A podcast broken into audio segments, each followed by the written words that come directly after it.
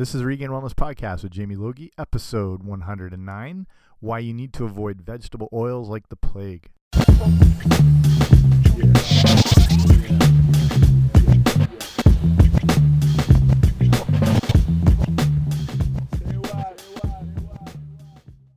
Hey guys, what's happening? Welcome back to the podcast. I'm Jamie Logie. I run regainedwellness.com, and this is the Regained Wellness Podcast. So thank you for joining me here today. And I apologize if there's any sound issues because I was having some recording problems. I record in an actual studio, um, and it's all soundproofed and everything, and it's pretty sweet. It's instruments all behind me, the whole deal. Uh, this is some issues with how the microphone was picking up some of the sound. Whatever, it should be listenable, but if it's not what it normally sounds like or it's a little off, I apologize. Um, but hopefully it's not too too bad. So today's episode is going to be all about refined vegetable oils. So that's things like, um, well, straight up vegetable oil, soybean oil, canola oil, sunflower oil, all those things you you buy in those big jugs and that are used for, you know, you buy them in sort of bulk sizes and people use them to cook and to fry and um, hopefully you're aware these aren't the greatest things to be consuming. Um, if you're not, you'll learn a lot here today. Um, so I think it's worth listening up to why these things have really caused a lot of health problems when they were originally turned to as more of a, healthy alternative uh, over you know things like butter and and whatnot. So yeah, bunch of information. We won't go too long today, but cover sort of the basics and get you up to speed with this whole thing. Okay, here we go. So the history of how we got to use these vegetable oils is it, it goes back a little ways. Um, I mean, obviously, as a um, you know species, and our ancestors would never have eaten any sort of vegetable oil or anything refined at all, whether it's refined sugar, carbohydrates, or whatnot. And then even your your great grandparents and their grandparents and everything like they didn't really have these cooking oils. They would have used things like lard, primarily lard actually, butter, um, you know, kind of those staples of, of cooking. And you look back and you look at old pictures and black and white photos, and no one was really overweight. Everyone was relatively thin, and you know they're consuming tons of these like animal fats and they're cooking in straight lard and it just it, it looks in ridiculous um so how we kind of it's a whole long story but how we kind of get to these is coming through the uh, you know in the 50s and into the 60s more insights looking into why people were you know suffering from heart disease and dying from hypertension and stroke and heart attack and all that sort of thing. And there's a guy a researcher named Ancel Keys who've covered on the show before, and he did a lot of research and study into what was causing all this, and he kind of pinpoints uh, all our you know ails of society and um, conditions of health uh, due to fat, like saturated fat and animal fats and, and stuff like this, and and basically, if you've ever thought fat is bad for you and makes you fat and causes heart disease, it can be pretty much rooted in the work of this guy Ancel Keys, and you know it was on cover of Time magazine back then, and a lot of the basis of our um, sort of dietary recommendations came out of this. When you actually go back and look at what he was doing, it was a lot of incorrect and shoddy science, and he would cherry pick data that would more line up with what his hypothesis was about saturated fat, you know, killing you and making you fatter. And he would ignore a lot of the other research out there that was um, taken from countries where they do have a, a high fat intake and they were not suffering the same rates of heart disease and obesity and hypertension and all that sort of stuff. So either way, this can has been kind of gospel truth and even up to this day. Again, this is a whole long thing, and I recommend if you go to the uh, my website, if you go to regainedwellness.com slash 109, so this episode where I put the show notes up, and that's all the things I'm talking about, like resources.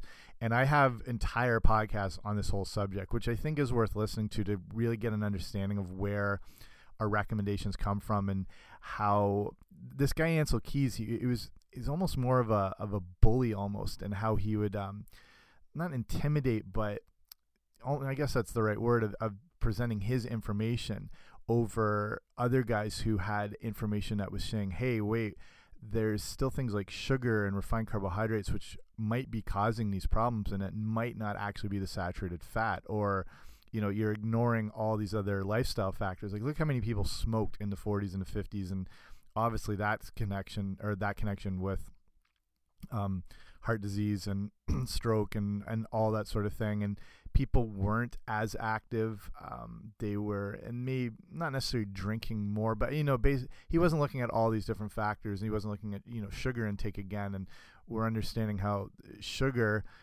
may really be at the core of all these things that we've associated heart disease with, or sorry, saturated fat with, whether it's like heart disease, obesity, um, diabetes, hypertension, the whole deal. So if you go yeah, go to regainedwellness.com slash 109 and I'll have some of these other episodes uh, linked up. So that that one about this guy Ancel Keys and the saturated fat myth is, I think, worth listening to because you really get an understanding of that whole issue.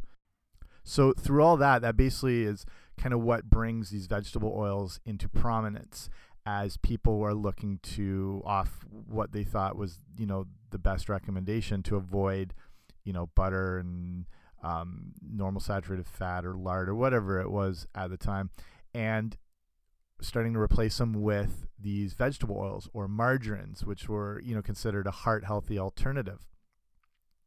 The problem is these things have um, a really really negative effect on your health, and I'll I'll try and cover as much of it as I can. It's basically whenever you take a substance and refine it down you really don't get good results from it. Whether it's taking um, wheat and refining it down into flour, uh, it becomes highly uh, glycemic. It really it spikes your blood sugar levels. It it it creates addiction. Um, same thing with sugar. If you take sugar cane or beets, if you eat those straight up, probably not a big deal. When you refine it down into sugar, that's when all the problems happen. And the same thing happens, obviously vegetables are healthy, and corn can be a good um, um, source of nutrients and, and whatnot. But when you refine things down, they become so concentrated, our bodies don't really know how to process and handle them. It's it's like putting jet fuel in you when you're just going to be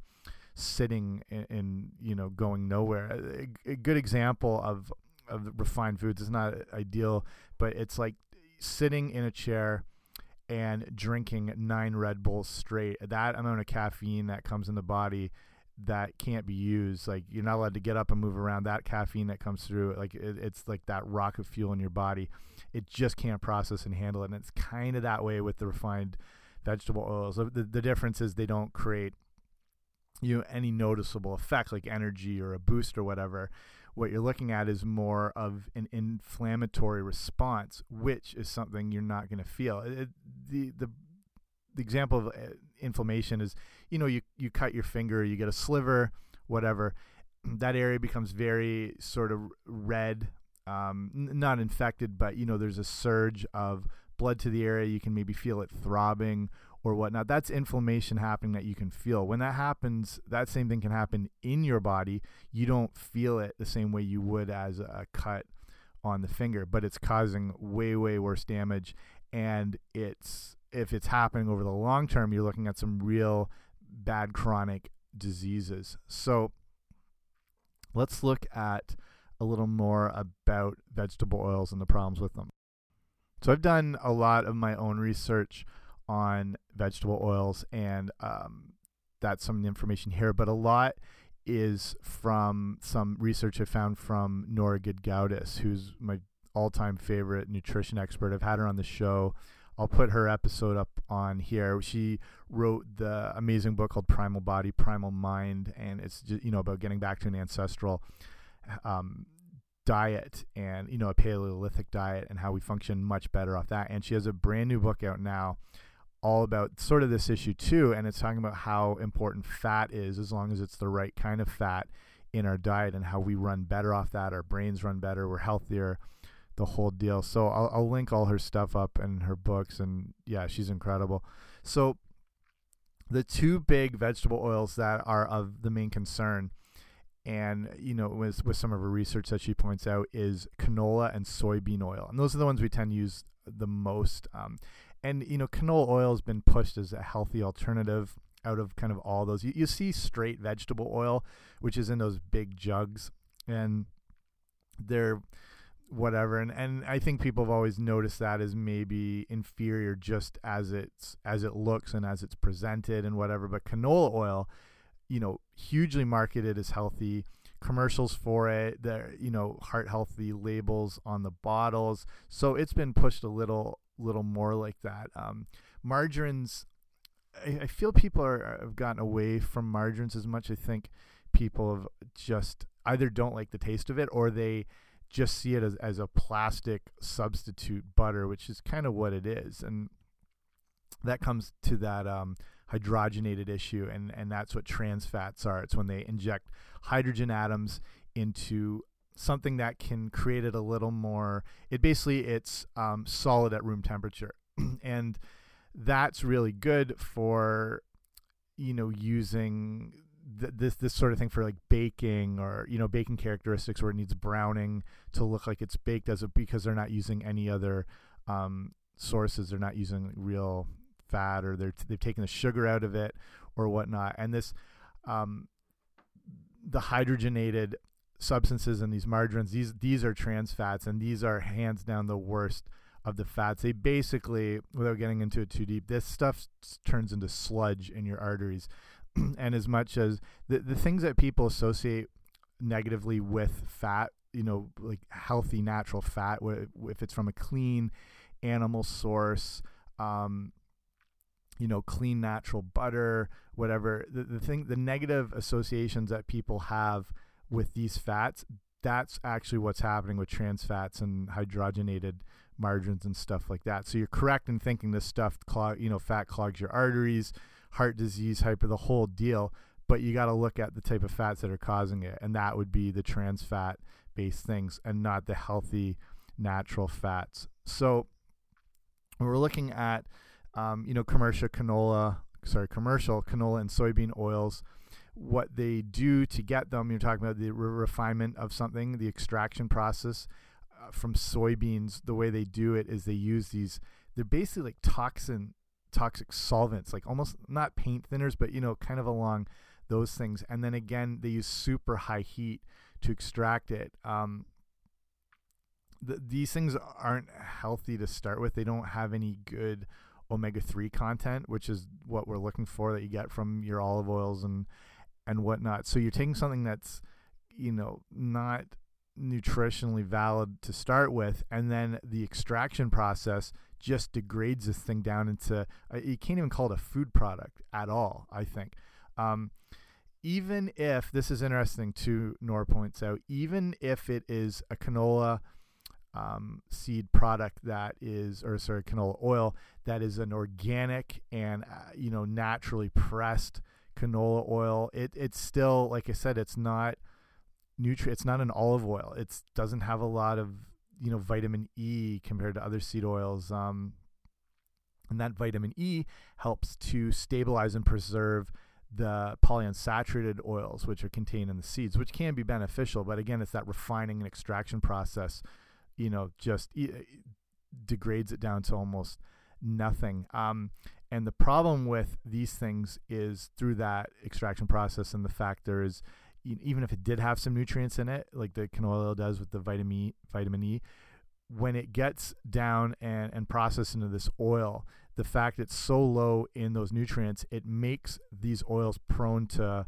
um, becoming rancid right away. And uh, a lot of these products will use deodorizers into the oil to stop it from, you know, it's already possibly in that rancidity um, transition and the smell can if you ever smelled old oil you know exactly what that smell is like if you if you worked in a fast food restaurant you'd know for sure but if you you know say you, you'd cook something with oil and it sits in the pan and i don't know there's just that specific smell and then that's basically it becoming rancid um, and the process has already happened almost you know as it's being bottled. So they add in these, you know, deodorizers to kind of mask what's potentially happening in it. So at this point, you've got a you know rancidity in itself is a is a terrible issue, but you've got this highly inflammatory oil that's going to cause that inflammation in your body, a whole bunch of free radical damage. Um, yeah, it's a mess. And this is something I didn't even know about until now, um, looking through some of this stuff. That canola oil on its own is so toxic, it can be used as a pesticide. And there's some companies that make these um, pesticides or insecticides that are, are made from soybean oil and canola oil. And they don't, I mean, it's not super far off from the stuff you're consuming. There's, just looking at these pictures here. There's um, this one product's called Worry Free Year Round Pesticide Oil. And it is made from canola oil. And there's this stuff called Neudorff. It's a vegal insecticidal oil. 96% of this product is canola oil. And we could cut it off right there and that's enough to never consume this crap again. But I had no I I, I try to be as up to date as possible on a lot of things and I feel I'm somewhat knowledgeable. I had no idea they did this. Um it gets to the point with some of these um, products that on the labels they say to avoid contact with the skin or clothing. If you get it on yourself, you're directed to take off all your contaminated clothing, take a 15 to 20 minute shower to rinse the canola or soybean oil off your skin, and potentially call a poison control center or doctor for treatment advice. Um, you know, there's a few other ingredients that go into these things, but they're primarily vegetable oils, and that is friggin' horrific. I'm going to keep going sharing some of these products because I think it's worth just kind of pounding into you and to all of us. So uh, we're you know get a good understanding of this stuff. There's a product called Natria, and it is a multi-insect control ready to spray. It's a bottle. You can buy it on Amazon or you can buy it from the um, manufacturer or whatever. So it's it looks like a normal spray bottle and it protects edible and ornamental plants from damaging insects. It kills insects at any stage of development as adults, eggs, even larvae. It even controls spider mites and powdery mildew. You can use it up to the day before harvest. The ingredient, the active ingredients, canola oil. That's awful. Um, there's this other one. It's a product called Golden Pest Spray Oil. So this is for fruits, nuts, evergreens, and woody shrubs. Controls mites, sooty mold. I don't even know what sooty mold is. Scale, whitefly, and meaty no mealy bug. Again, the active ingredient 93% soybean oil, and it's they actually put this in brackets food grade to try and make this sound as natural as possible that using the most natural source. It's a food grade that you could eat that's the same stuff they could sell in the stores. Food grade soybean oil and then 7% other additives and whatnots that make this stuff kill off anything. And then here's all those warnings here. Keep out of reach. I'm going to put I'm going to try and take these images and put it on the um, show notes for today too so you can see I'm not just making this up. Um, well, you can look all this stuff up anyway. This is golden pest spray oil. It says keep out of reach of children. Caution. Um, it's got a first aid listing here of what to do if you get it in your eyes. You know, you have to rinse your eyes slowly for 15 to 20 minutes. Remove your contact lenses. Call poison control. If it gets on your skin or clothing, take off all the contaminated clothing. The same thing as that other one listed. Listed if swallowed. Call poison control or a doctor immediately. Have person sip a glass of water if able to swallow. And Sprezer say you can pour it on a salad and make a dressing out of it, like some of this other crap has.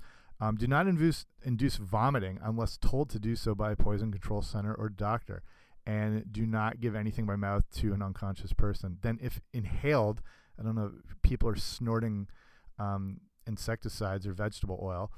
Um, same thing. Get the person outside. If they're not breathing, call 911. There's a hotline number on this product to, you know, that you can go directly to them. So if you can't get through to a poison control center and they can help you. And then there's a whole bunch of other precautionary statements that are inside a booklet that either come with this stuff or you can order from the manufacturer called uh, Stoller Enterprises. Yikes. Um, so basically, to sum up, I would not use canola oil or soybean oil, and definitely not for cooking. And if you have been, um, I mean, at least you can stop doing that now. Here's the problem when you cook with these vegetable oils. Um, canola oil, especially, like I said, it's probably the most prominent one for you know for frying and sautéing and whatnot. Um, you know, he said like that refinement process, it, has got such a, a, low vitamin E content that it creates it creates that rancid rancidity. Let me try that again. Rancidity. That's the right word. It gets rancid. Um, this process again makes it so unstable that it doesn't have a safe what they call smoking point, which is you know obviously when your pan gets hot and you have an oil in it, there's a certain temperature for different things when it starts to smoke. Um, some of these these vegetable oils it has a very low one. I mean the temperature I can't say offhand, but it you know say it's 200 degrees. Where something like olive oil, which I'll get into as well, why that might not be the best for cooking. Um, it'll have a little bit higher smoke point. The best, you know, say a butter as well might have a 350 degree. I don't know the, these exactly, but it's sort of a scale. The highest thing, the the thing that has the best smoke point that can take the highest heat, coconut oil. So that's your best bet to cook with. Um, healthy already because it's full of all those good medium chain tri triglycerides, um, which actually are good to help lower your cholesterol levels and can actually maybe help you um, burn fat. You can actually use it as energy. It's interesting stuff. Same stuff that's in uh, olive oil, but coconut oil would be the best cooking thing. So this low smoke point in these things like canola oil, it's you know, it's already hydro hydrogenated. It's already so unstable and it's already so inflammatory in your body. The problem is if you cook with it, it just it makes a, a bad thing even worse if that's possible. It has a high uh, ALA, that's alpha linoleic uh, acid content, and then with the heat, it's just like it's it's like turning on a switch. It's, this stuff goes rancid right away, and then that's in the food, um, and the whole deal. And and you know, we're talking about omega 3s being important, and some of these things have omega 6s, and you just you don't want those things to get out of balance. And when you consume a lot of um, you know vegetable oils and you know margarines and all that stuff, you get a much higher content of omega 6s in your diet. And when you have too much omega 6 to omega 3, that itself is also causing inflammation in the body, and inflammation is really at the root of of pretty much all diseases. Your your body is in this chronic state of inflammation, and that's causing everything from you know the heart disease to certain cancers, and it, it's yeah, it's your body just inflamed inside, but you're not going going to feel it. So, um, you want ideally kind of like omega 6s are good and they are beneficial. You just want to get them from the most natural sources possible. And you want your omega 6 to omega 3 ratio to be as balanced as possible, like a 1 to 1 ratio. Maybe maybe 2 to 1. The problem is our society is at least a 20 to 1 uh, omega 6 to 3 and upwards of, you know, some would say 40 to 1. You know, any, you know, even just being 10 to 1, but up at those averages 20 to 1, again, that's inflammation in full overdrive in your body because of eating all these, you know, packaged or processed or manufactured things, if you're eating something that comes out of a box or a package, uh, you can be pretty positive it's going to have some form of hydrogenated uh, oil, vegetable oil, or whatnot that's high in these omega 6s. And you're probably not getting good omega 3 content. So that's all thrown out of whack. So I may as well bring up why the hell are companies using this stuff. And obviously, it's because it's insanely cheap. Um, it also, I mean, it almost these things almost act like a preservative in products, so they get extended shelf life out of the thing. So it's a combination. It's cheap to use, and it leads to less spoilage. So I mean, that decreases overhead costs and all that sort of thing. When you, it's it's like a Twinkie. You know, they can survive a nuclear apocalypse, so it can sit on the shelves indefinitely. Where something that contains some more natural ingredients has a shorter lifespan. Um, the other issue is if you're consuming canola um, or soybean oils, it's a good bet they're genetically modified as well. And that's one of the reasons these things are able to become so cheap is because they can mass grow them so much. They're bred in with different traits and characteristics that they can survive. You know, they have like built-in insecticides in them. You know, they act like that themselves, but these, you know, companies you're familiar with Monsanto, I'm sure, and maybe a little more aware of genetic modifications and um, the, these plants can survive through anything. You can grow much more of them, and you can grow them a lot quicker. And GMOs, I mean, that's a whole big issue too. But there's you know still links with organ damage and um, free radical damage and maybe some cancers and and and there's a lot of you know other information as well out there and just just the fact that this might be an issue is, is alarming enough. It doesn't mean it's 100% the case, but the fact that it has been connected with things like that means it's probably something to stay away from. And um, so, you know, that's another reason they're super cheap. Um, so I think that is hopefully enough information there. Again, this can go way deeper, but I don't want to take forever on this show. Just point out some of these horrifying things. And then, you know, I think I've touched on the things you want to use instead. You want to use olive oil. You want to find the best olive oil possible, like extra virgin olive oil, coconut oil. Again, amazing. I'd, I'd say those are your two best. This is this is what I talking about before. I I do cook with olive oil. I but I've moved more into the coconut oil, and just a little bit of caution about olive oil. Um, it's it's used a lot, but it, it's it's one of those things that's it's the difference where it is a refined thing from the olives where they're refining and extracting it. But that's what um, extra virgin olive oil means. It's done without um, specific um, solvents or mechanics, and it's usually cold pressed. There's no heat involved. So look for cold pressed olive oil. It, it's it's almost like a very primitive and original extraction method that they would have done hundreds of years ago where it, they're crushed and pressed. And this is the one time where refinement and extraction is totally different and healthier. Um, that's why if you see these giant big things of olive oil they're this is a whole other issue too. They're that you know the big jugs you can buy at Costco there's a good chance that might not contain all like completely all all all oil, olive oil that's if you're still hearing that, it means I didn't try to edit it out.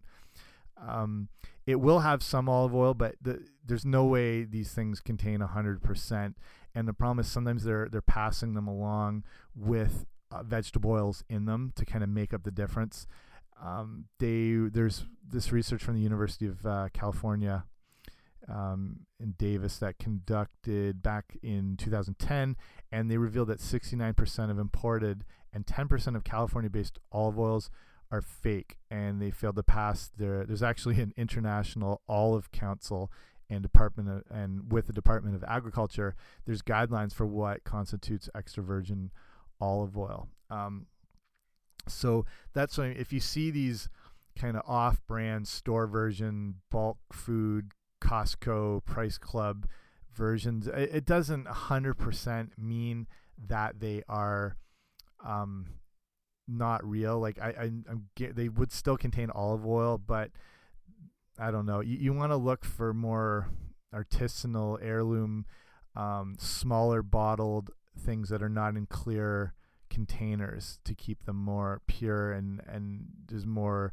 more likely that they come from the purest source. And the other thing, when the bigger the container, I've talked about this before with other thing, is similar to wine. The bigger the container something's in, the more oxygen replaces whatever you've used. The oxygen is also um, responsible for breaking down products and, and substances and then potentially creating a rancid reaction in them too. So if you have these giant bottles and the thing is half uh, full of olive oil, it's a good chance that stuff is not super pure anymore because that oxygen content in that bottle is breaking that stuff down. And then the fact that it's a clear bottle as well too means more light can get in it can degrade it down so you want to get those olive oils that sometimes come in you know like a, a steel type container um, like you know that very thin steel or aluminum um, whatever so that you want smaller i know it, it's cheaper to buy bigger and save more but when it comes to something like olive oil you want the smaller containers and you just will have to make more trips to go get them. Um, so just to ensure that it's probably you know completely pure product and that it's not going to break down from all the air that's um, the olive oil has ex been exposed to. So go for extra virgin go for cold pressed and now that's what I'm getting to. You don't want to necessarily cook with it. And again, never at high heats. Because once that olive oil starts smoking, chuck it out, get rid of it. It's you've started that breakdown process.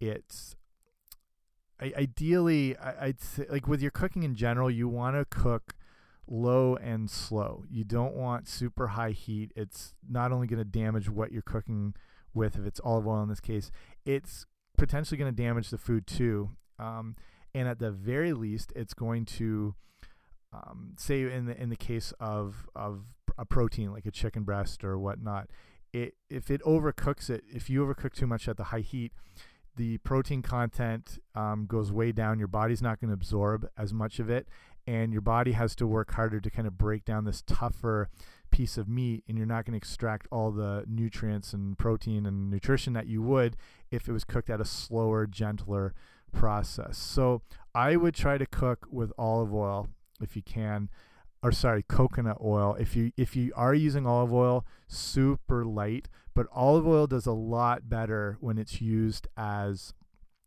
a homemade salad dressing or you drizzle it over vegetables or whatever you've made a little bit of uh, if you watch Jamie Oliver you know he drizzles olive oil all over everything um, it, that's when it works its best especially this you know extra virgin cold pressed olive oil it keeps it as pure as possible I mean make your own um, you know throw some balsamic vinegar in with the olive oil and and dip some breads or vegetables into it that's when it works best if you do cook yeah super super light and super slow. Let it take its time. But start trying with the coconut oil. If you're not crazy about that coconut taste, there are versions you can find that are like an unflavored thing. So then they're perfect for cooking. I like that coconut taste, so I think it adds into whatever dish you're working on.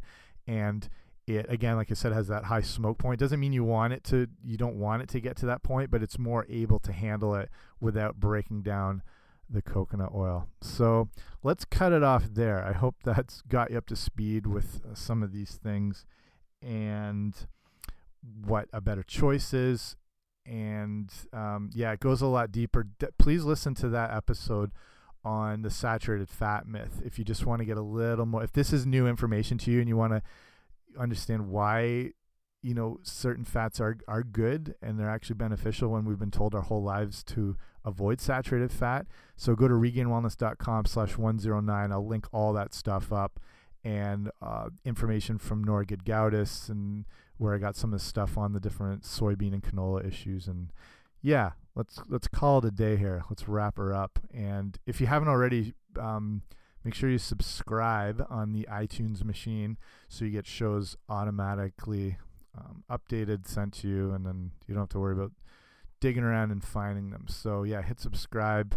And if you want to see any other topics covered or questions about, you know, things like this or a little more um, insights into them, feel free to write to me at info at regainedwellness.com. I check everything and then hopefully can help you out with it as I go. Okay, that's it. Thanks for listening. See you soon.